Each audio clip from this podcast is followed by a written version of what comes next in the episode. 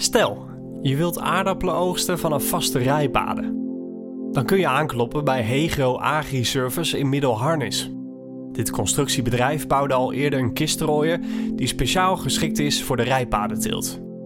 Dat klinkt als een goede oplossing, maar zo denkt niet iedereen erover. Als je een zelfbouwmachine zou laten bouwen, dan heb je een machine die heel specifiek voor het bedrijf gekocht is. En mocht het dan niet werken, dan uh, zit je met een machine die wellicht niet interessant is voor boeren om uh, eventueel over te nemen. De onderzoekers van Wageningen Universiteit kiezen liever voor een tweerijige bunkerrooier. Praktische uitvoerbaarheid ook voor een boer moet nog wel, uh, moet nog wel te doen zijn. Dus vandaar dat we toch een bunkerrooier hebben gekozen. Zodat de keepers gewoon op de kopakkers kunnen blijven staan en dat die uh, product af kunnen voeren. Dus dat dat, dat dat niet helemaal aangepast hoeft te worden. Na veel gesprekken met verschillende machinefabrikanten valt de keuze uiteindelijk op een AVR Spirit 5200. Deze machine is, uh, is een vrij simpele machine qua uitvoering. Dat wil zeggen dat alles mechanisch aangedreven is. Maar goed, toch wel met uh, moderne bediening uh, zoals we die ook kennen in de 9200 die we hier hebben. In de basis is de Spirit 5200 een eenvoudige machine. Maar met alle opties die de onderzoekers erop willen hebben, wordt het toch nog een geavanceerde rooier. Zo wordt de as verbreed, wordt er een axiaalset ingebouwd en komen er in plaats van wielen rupsen onder de machine.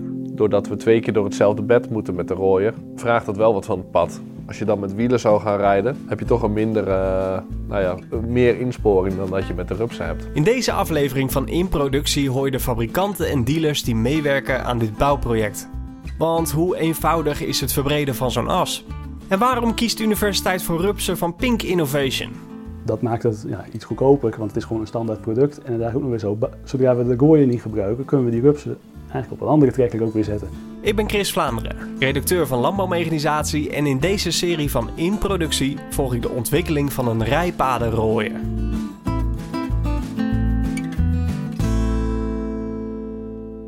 De onderzoekers van de afdeling Open Tilten in Lelystad kiezen voor een bunkerrooier die met een leeg bunker 9,5 ton weegt. Oké, die machine rijdt alleen op de rijpaden en verdicht als het goed is alleen het rijpad. Maar al met al is het gewicht nog best fors. Je zou ook kunnen kiezen voor een hele kleine machine of misschien wel een robot. Iemand die daar meer toekomst in ziet is Wim Steverink. Ik zoek hem op in zijn werkplaats. Uh, we zijn hier in Tollebeek aan de voormalige boerderij, waar ik hier een werkplaats heb en ik ontwikkel machines al vanaf, ja, al heel mijn leven kun je wel zeggen, maar vanaf 2000 officieel onder mijn eigen naam. En uh, ja, we ontwikkelen landbouwmachines uh, in, over het algemeen. Ja, dat is wat ik doe. Wim werkt mee aan de Akker van de Toekomst. Een project waar meerdere akkerbouwers aan meewerken. De Akker van de Toekomst moet je trouwens niet verwarren met de boerderij van de toekomst. Er zijn wel veel raakvlakken. En er wordt ook wel samengewerkt. De Akker van de Toekomst ligt in Ens. En is letterlijk een perceel waar verschillende akkerbouwtechnieken, zoals rijpaden en strokenteelt, worden uitgeprobeerd.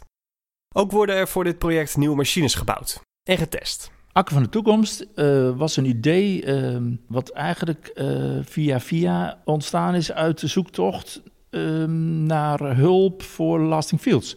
Lasting Fields is oorspronkelijk een nieuw bedacht landbouwsysteem. Waarbij het idee is dat alle bewerkingen door robots vo volledig automatisch worden gedaan. Dus ook de oogst en waarbij ook de logistiek van het transport van goederen ultra, ultra zuinig kunnen plaatsvinden. Dat is want hè, mensen vragen, ik, ik, had dan bedacht om een, een, een, heel miniatuur spoorlijntje op het land te leggen. Ja, iets zuinigers kun je niet bedenken. Hè, dus als we iets aan het CO2-probleem willen doen, dan is zo'n spoorlijntje die als hoofdader dient. Die kan zelfs ook de machines vervoeren, hè, daar waar ze heen moeten en terug moeten. Daar kun je ongelooflijk besparen op uh, energie. Ik vergeet nooit, als kind stond ik eens met mijn neefjes bij een grote wagon. Dat ding woog uh, nou 50 ton. En wij konden met z'n drieën konden wij dat ding gewoon van zijn plek wegduwen. Levensgevaarlijk, maar dan gaat je lichtje branden. Hè? Hoe bestaat het? Rolweerstand is gewoon extreem laag bij uh, staal op staal, hè? trein. Ontzettend lage rolweerstand. Het idee van die spoorrails is nog niet gerealiseerd bij de Akker van de Toekomst. Al zou Stevering dat wel heel graag willen. Daar hebben we ook nog eerst heel veel hulp nodig, financieel vooral. Zolang de fossiele olie nog goedkoop is, want het blijft toch steeds helaas een sluitpost. Van oh ja, we moeten ook nog dieselolie. Nou, Of de politiek die moet op een gegeven moment eh, eh, dat gaan opleggen. Dat we echt veel minder fossiele olie moeten gaan gebruiken. Dat zou misschien nog wel de beste stok achter de deur zijn. Misschien dat het dan ooit een keer komt. Het idee van de robots krijgt wel steeds meer vorm. Voor het project bouwde Steverink een werktuigendrager die volledig autonoom aan het werk gaat. Zo moet de machine onder meer gaan zaaien, eggen en schoffelen. Die werktuigendrager is niet de eerste machine die Steverink voor het project bouwde. Eerder bouwde hij namelijk al een kleine aardappelrooier.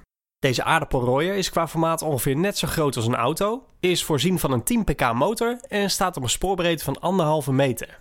Voor op de rooier staat een aardappelkist, waarin de gerooide aardappelen terechtkomen. Het idee was dus om mensen te laten zien dat je dus met een ongelooflijk lichte machine een bepaalde bewerking kan uitvoeren. En als je dan daarbij bedenkt dat dat een, een, op een gegeven moment een robot is, nou ja, dan wordt het al inzichtelijker, zeg maar, voor de gebruiker. Ja, dat is nu nog niet, maar dat is in de toekomst, hè, als het automatiseren ook zover is. Maar goed, het is een eenrijige machine. Tegenwoordig draait alles om capaciteit. Is dat niet een uh, struikelblok bij dit nou ja, machientje, want hij is niet groot? Dan ga je echt naar uh, robotisering. Dat is dus onbemand. Kijk, dan speelt die factor capaciteit, dat wordt echt een heel ander verhaal. Stel, je hebt een, uh, uiteindelijk uh, over uh, 10 jaar of 15 jaar een helemaal gerobotiseerde oogstmachine. Die hoeft niet met weet ik hoeveel kilometer per uur met vier rijen tegelijk te oogsten. Het grote voordeel is, hij heeft, er zit geen man op. Dus hij kan dag en nacht in principe theoretisch zou die door kunnen gaan natuurlijk ook een enorm voordeel is dat hij gewoon heel erg licht is van gewicht. Dus er zitten meerdere voordelen in. En brandstofverbruik is ook nog een stuk lager. Dus absoluut, uh, die automatisering, dat heeft meerdere voordelen. Absoluut. Kun je mij stapsgewijs even uitleggen hoe die machine werkt qua egelbandjes en qua... Die aardappelrooier ja. uh, ben ik uitgegaan van een uh, opvoermat vergelijkbaar met de Kvenneland uh, wat voor type was dat ook alweer? Die was in de jaren tachtig hadden ze een, uh, een uh, tweerijige Kvenneland met een vrij steile mat. Die was echt pittig stijl, die mat. Maar er zat een conveyor boven die de aardappels dan meeneemt en die kun je ook een beetje afstellen. Hier, de buurman die rooit er nog steeds mee, Tom van de Geest. Nou, dat is een hele skure man, een boer. dat gaat super en je ziet ook, dat werkt zo mooi. Voordeel van een hele steile mat is dat je dus kort kan bouwen. En je kunt ook behoorlijk zeven ook op een kort stuk. En door middel van afstellen van die conveyor kun je dus daardoor ook echt wel wat capaciteit. En ook heel verschillende omstandigheden. Droog, nat, eh, verschillende grondsoorten. Kun je allemaal ook aan, zeg maar. Ik heb eens een, eh, voor KWS heb ik ook eens een proefveldrooi gemaakt van zo'n Venneland. Ja, dat werkt echt heel mooi. Verbaast me wel eens dat er niet meer gebruikt is daarna. Maar goed, dat is dus uh, die, die steile opvoerband, dat is één. En dan direct erachter komt de loverrol met een hele, alles heel klein en simpel, gewoon omdat de capaciteit heel laag is. Daarna een, uh, gewoon een axiaalrol, gewoon met twee rolletjes. En een opvoerbandje die het in de kubkist brengt. Dus die machine neemt zelf ook één kubkist mee. En als hij dan een afstand van uh, 150 meter aflegt, wat het idee is, in, zoals in Lasting Fields, dan is die kist uh, zo'n beetje vol. Nou, perfect. Hoe, en moet kijken dan naar je bodemdruk, hè? Maar goed, eh, als dat eenmaal gerobotiseerd is in de toekomst, dan ga je het niet redden met één zo'n machientje. Nou, dan moet je twee of drie, of hoeveel je nodig hebt dat zijn natuurlijk allemaal nog vraagstukken en, ehm, en, en, en ja, de mogelijkheden. Er zijn er heel veel mogelijkheden nog, maar uh, dat is wel een beetje het idee om heel licht ook te werken en ook zuinig. Dus wat dat betreft is die rooie zijn tijd wel vooruit. Nou ja, het zal er misschien nog wel heel anders uit gaan zien, maar uh, ja, dat zou kunnen. Dat zou... Want hij staat op anderhalve meter, terwijl die ploeg is op drie meter, jullie werktuigendrager is op drie meter. Ja, nou, dat drie meter, ik denk dat dat, uh, dat is ook in de club, zeg maar, waar we dan de akker van de toekomst en ook uh, wat subsidies uh, binnen hebben kunnen halen. Zitten meerdere mensen die er allemaal meedoen. En de meesten hadden het idee van, we moeten toch eerst zoveel mogelijk aansluiten bij wat er nu is en wat gangbaar is. Nou, drie meter. heel veel machines, een, een rode koppig, een, poopmachine, nou, noem ze allemaal maar op, allemaal drie meter dat is gewoon hapklare brok. En die kunnen we dan ook om te beginnen gebruiken. Maar uh, dat is de reden dat we nu eerst voor drie meter gekozen hebben. Maar wil je gaan robotiseren, ja, dan is dat gewoon helemaal ook niet meer nodig natuurlijk. Zeker als je ook kijkt naar de bodemdruk, dan wil je natuurlijk nog lichter. Bij Wageningen, Universiteit in Lelystad, hebben ze eigenlijk al uh, ontdekt en uh, geconstateerd dat 1,50 voordeliger is. Nu nog niet, omdat er nog een man op zit. Als je dat, die automatisering meedenkt, dan is dat gewoon al een voordeel. Logisch toch? Kijk gewoon naar kleine grasmaaiertjes hè, die automatisch gaan. Die zijn toch ook geen uh, anderhalve meter breed? Die hebben de hele dag de tijd, dus die hoeven helemaal niet verbreed te zijn. Het is een beetje hetzelfde uh, idee. Voor kleine autonome rooiers is er nog te vroeg. Dat verklaart ook wel waarom dit soort machines nog niet te koop zijn. Een machine die wel in de buurt komt is de Harvey One. Deze kleine zelfrijdende rooimachine rijdt op rupsen en wordt gebruikt voor het rooien van zoete aardappelen. De Universiteit van Wageningen heeft nog overwogen om deze machine in te zetten. Vertelt Bram Veldhuizen, de machineman van de universiteit. Daar hebben we het ook wel wat over gehad, maar dat is eigenlijk nog veel te veel ja, een ontwikkelproject. Het is een eenrijig rooiertje. Misschien voor het onderzoek en, en voor een kleine nou ja, proef is het een heel interessant iets om eens te kijken. Alleen, ja, kijk, we willen wel in het Field Lab laten zien met, ja, hoe het in de praktijk kan, hoe een boer er ook mee aan de gang kan. En dan nou, met zo'n rooier zie ik het niet zomaar gebeuren dat je daar 20 hectare per jaar mee gaat rooien. Na veel wikken en wegen valt de keuze op een getrokken bunkerrooier van AVR. Deze machine past het beste bij de praktijksituatie in Lelystad en voldoet qua gewicht aan de eisen van de onderzoekers. Nou ja, uiteindelijk hebben ja, wij natuurlijk de opdracht ja, aan, ja, aan één leverancier, aan de dealer, aan Groenoord, ja, verleend. Van, nou, we willen die rooier. Maar die zijn, daar, dus die zijn uh, die hebben natuurlijk de rooier, ja, moeten ze bij AVR kopen. Ze moeten zelf hun aanpassingen daarop gaan doen met de, de axiaalset die erop moet komen. En hun hebben natuurlijk ook weer afspraken gemaakt met zowel Hegro die de as gaat verbreden als met Pink die de, de rupsen gaat leveren. hebben hun afspraken gemaakt en weet niet, volgens mij wordt alles gewoon bij Groenoord in de werkplaats in elkaar gezet. Maar wat dat betreft, ja, wij hebben met Groenoord afspraken dat we een rooier leveren zo, ja, aan de ene kant zoals besproken. Uh, het is aan, aan hun om te bouwen. Ja, precies. Even samenvatten dus. Groenoord, die, die heeft de, de machine besteld. Ja. Die bouwt de axiaalzet op. Ja. Dan komt Hegro. Die bouwt die as. Ja. Bouwen zij hem ook op of gebeurt dat ook weer bij Groenoord? Dat, aan de ene kant weet ik niet. Ja, het lijkt me praktisch om de, de rooier dan op de vrachtwagen naar Hegro te zetten. Dat hij het uh, bij hem in de werkplaats aan kan passen. Uh, aan de andere kant, als ze hem eh, ja, bij Groenhoort in de werkplaats laten staan en Hegro komt daar naartoe om te klussen, dat vind ik ook goed. Ja, mogen, ja, het mogen hun bepalen wat voor hun handig is. En de laatste stop is dan Pink Innovation. Ik denk dat we bij Pink hebben natuurlijk eigenlijk vrij standaard gewoon ja, een set rupsen gekocht. Dus ik vermoed dat die uh, ja, naar Hegro gaan uh, en dat die uh, tegelijk onder zet. Bram durfde niet met zekerheid te zeggen of de as en rupsen bij Hegro zijn opgebouwd. Maar ik weet het wel, want vlak nadat de rooier was omgebouwd, ben ik op bezoek geweest bij Herbert Groteboer, de directeur van Hegro Agri-Service in Middelhardis. Uh, ons pakje was, uh, kijk, die trekker die ervoor stond, stond al bijvoorbeeld op Pink Rupsen, op uh, Pink Tracks. En onze samenwerking met Pink Innovation Oostwoud, die is, die is, al, die, die is al vanaf het begin van, van het bedrijf. Dus we doen al tien jaar ook best wel wat, wat dingen samen. Of voor elkaar. Dus uh, ze wilden daar graag onder die rooimachine ja, toch ook wel tracks hebben. Dus ze kwamen eindelijk op een gegeven moment hier een keer van, ook van de web van joh, kunnen jullie de tracks maken? Maar ja, ik, zat, ik had eigenlijk toen geopend van de pink tracks, die zouden op zich net zo makkelijk passen en misschien wel beter.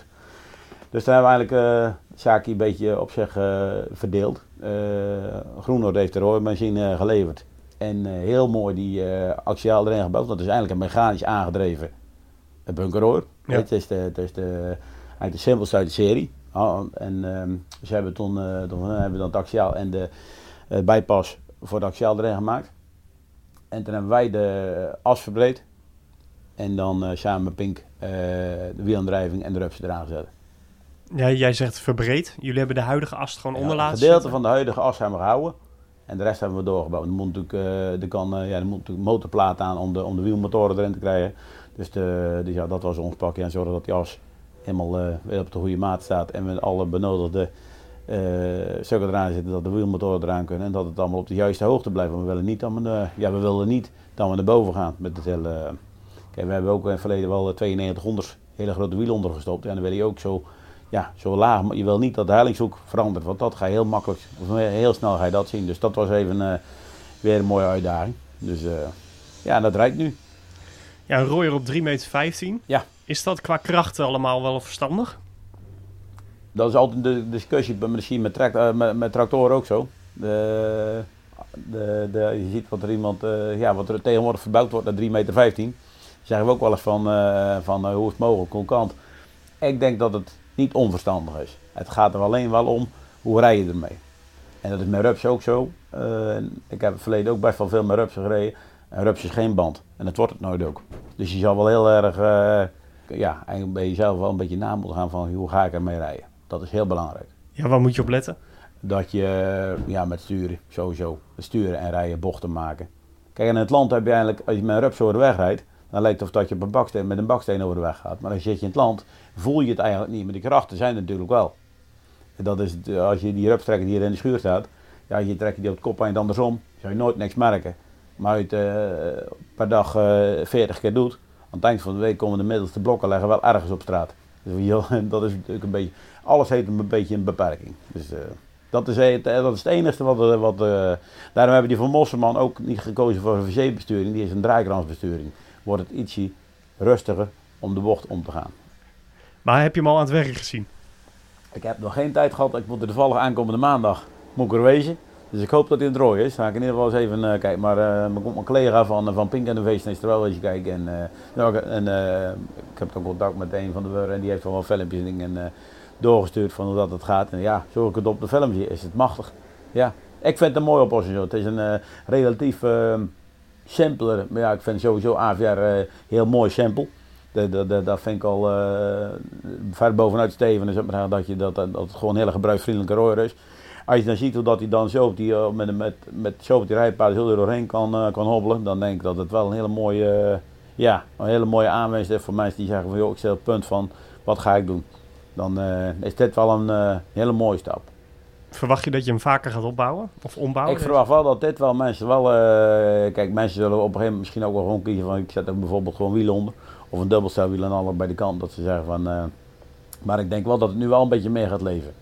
Want mensen zitten er toch tegenaan te hekken. Van het, het telen op die, eh, op die rijpaden gaat goed. Maar het oogsten. Dus eigenlijk nu pas zijn er dan eigenlijk pas twee systemen een beetje die, die een beetje mee kunnen gaan ja, op, de, op de wens. En dit is natuurlijk ook qua, qua gewicht nog een klein beetje te doen. Onder de aardappelrooier komen rupsen van Pink Innovation. Bram legt uit waarom zij voor deze rups kiezen.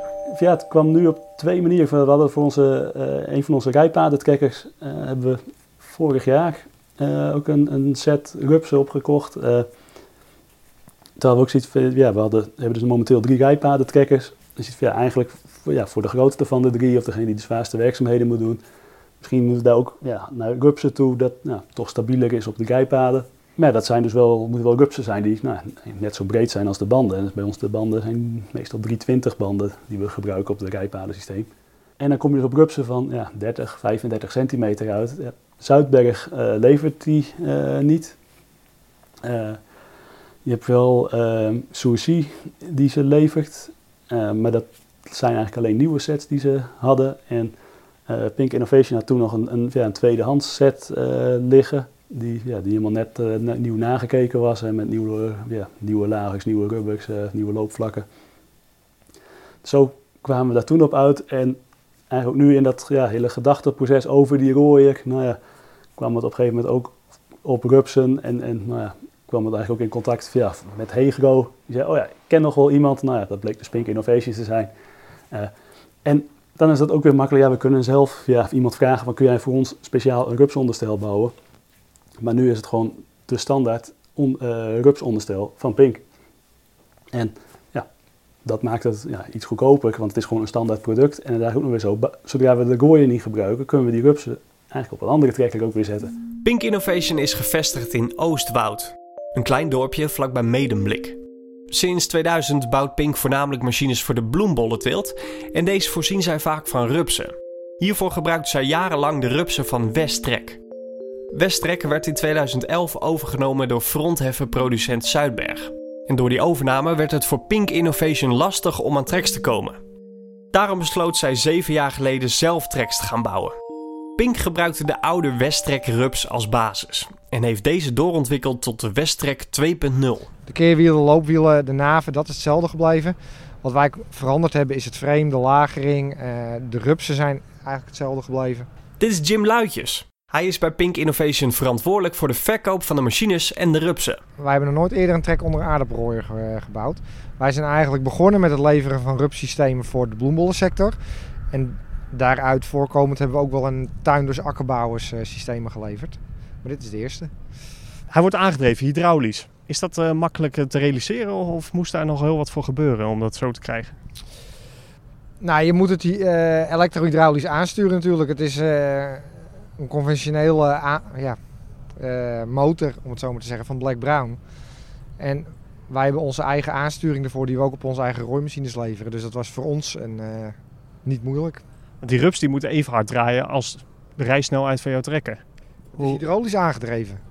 Dus eh, dat zoekt altijd wel de weg van de minste weerstand. eh, Dus als de trekker slipt, dan blijft deze net zo hard draaien? Of harder.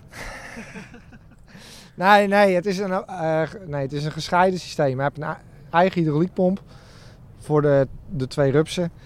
Er zit een eh 50-50 klep tussen, dus hij stuurt evenveel olie naar beide rupsen. Scheelt dat dan een hoop gewring op de koppakker? Het wordt tot op heden niet gebruikt. Waarom niet? Eh, omdat de pomp er nog niet op zit. we zouden in eerste instantie via de loodsense van de trekker, want dat doen wij bij onze eh, nette rooiers ook.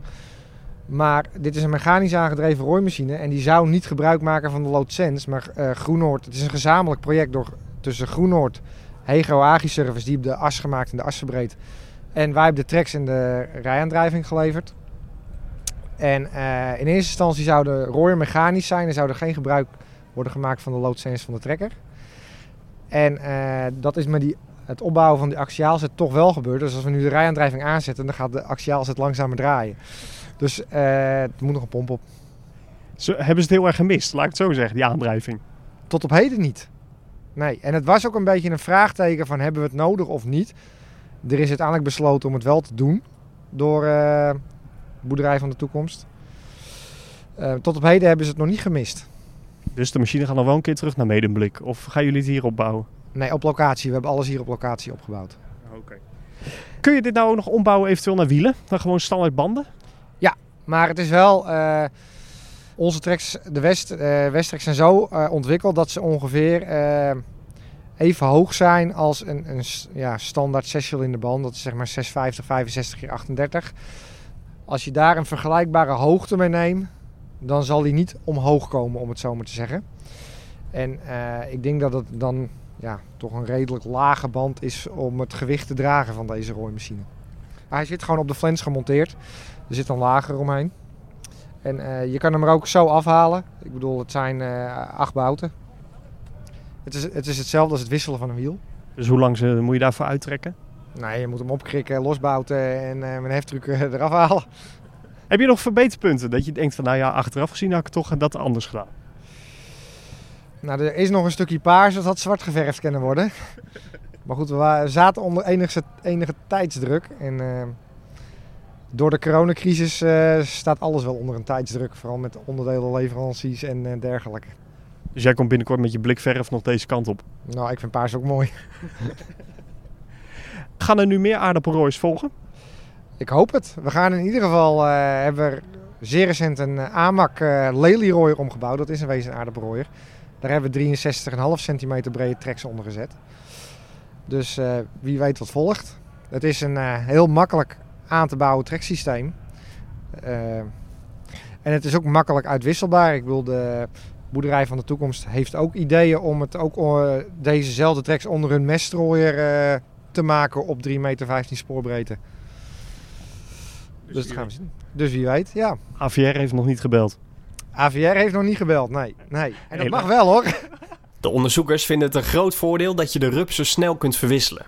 Want zoals Jim al zei, het is de bedoeling dat de rupsen buiten het oogseizoen onder een andere machine worden gezet. En of dat dan op een andere trekker is, of dat we hem eh, juist misschien die as gaan wisselen naar andere werktuigen. Bijvoorbeeld ook eh, eh, nou, een, eh, de mesttank op 3,15 meter of een uh, mestrooier hebben we op 3,15 meter.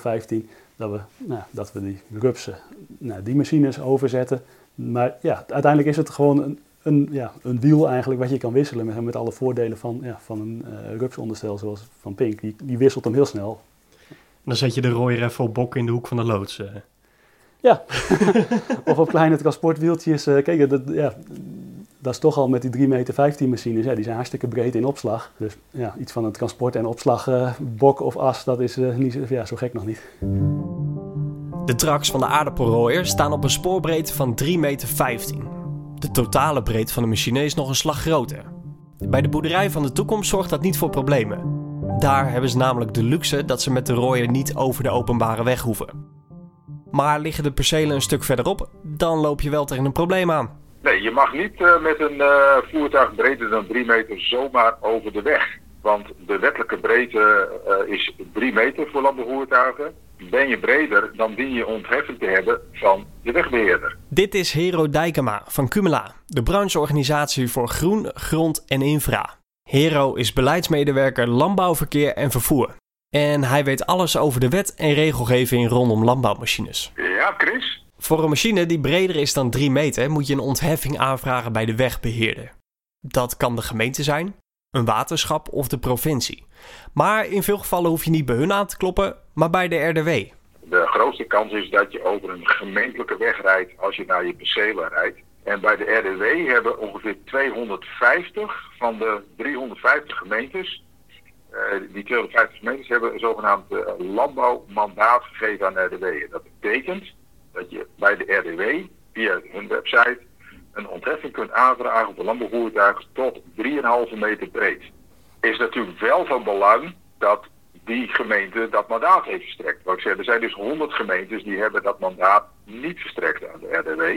En daar kun je dus niet via dat centrale loket die de ontheffing aanvragen. En dan zul je naar de gemeente zelf moeten. Dus dan moet je echt naar het gemeentehuis een briefje sturen naar de, de afdeling verkeer. Van ik wil graag een ontheffing hebben voordat dat voertuig tot uh, nou, de breedte zoals die uh, het voertuig is. Dus voor de voertuigen boven de 3 meter breed. Het aanvragen van zo'n ontheffing klinkt als een lastig en langslepend traject. Maar dat schijnt wel mee te vallen. Dat traject via de RDW is niet langdradig. Dus kijk op de site van de RDW. Oh, er is ook een lijst bij welke gemeentes dat mandaat hebben verstrekt. En dan is het echt een kwestie van je adresgegevens, je bedrijfsgegevens in te vullen. Aangeven voor welke gemeentes je ontheffing wilt.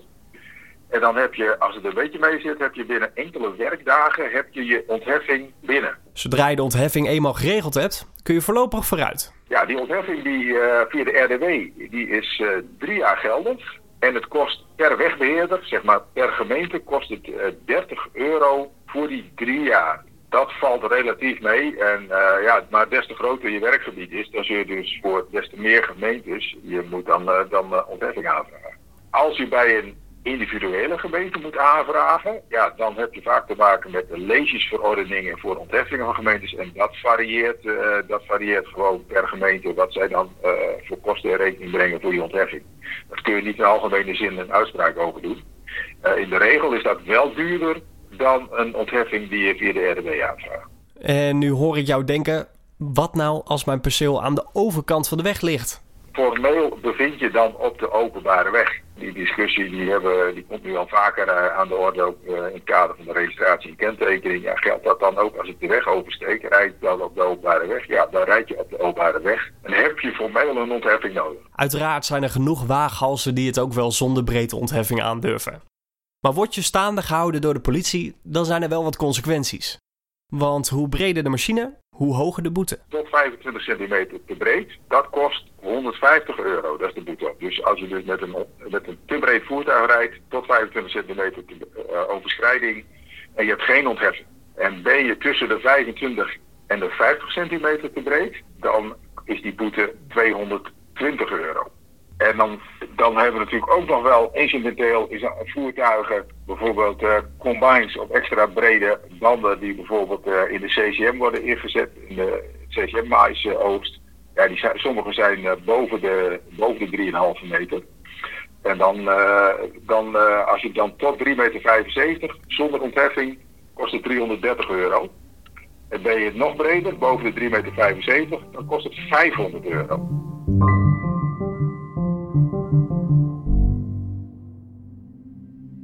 Tot zover aflevering 3 van deze podcastserie. Volgende keer vertelt Bram Veldhuizen over een speciale camera die op de rooier zit. Deze camera brengt de opbrengst en ook het formaat van de aardappelen in kaart. Dan kun je ook terug gaan kijken, hé, hey, maar wat is er op die plek gebeurd? Waarom is het op die plek beter gelukt dan op die nou, 10 meter of 50 meter verderop? En kun je die informatie gebruiken om van, hey, kan ik volgend jaar nou, zorgen dat het hele stuk of een iets groter deel van mijn perceel die perfecte maatsortering heeft. En het moment van de waarheid breekt aan. De machine gaat zijn eerste meters rooien op het proefbedrijf. De grote vraag is, werkt alles zoals het moet werken? Of moeten er toch nog dingen worden aangepast? Dan rijden we daarheen toe, proberen we daarheen. En als het daar helemaal niet gaat, dan moeten we toch wisselen. Dan kunnen we het beter nu doen. Dan ja. maandag willen we weer verder. Als je dat dan weer moet doen, dan... Uh... Zo na het weekend. Ja. Huh? Ja. Kom op, rooien. Dit alles en nog veel meer hoor je in de volgende aflevering van In Productie. Dit is een podcastserie van Landbouwmechanisatie. Wil je nog meer weten over de mechanisatie in de akkerbouw? Lees het laatste nieuws op de website megaman.nl en in vakblad Landbouwmechanisatie.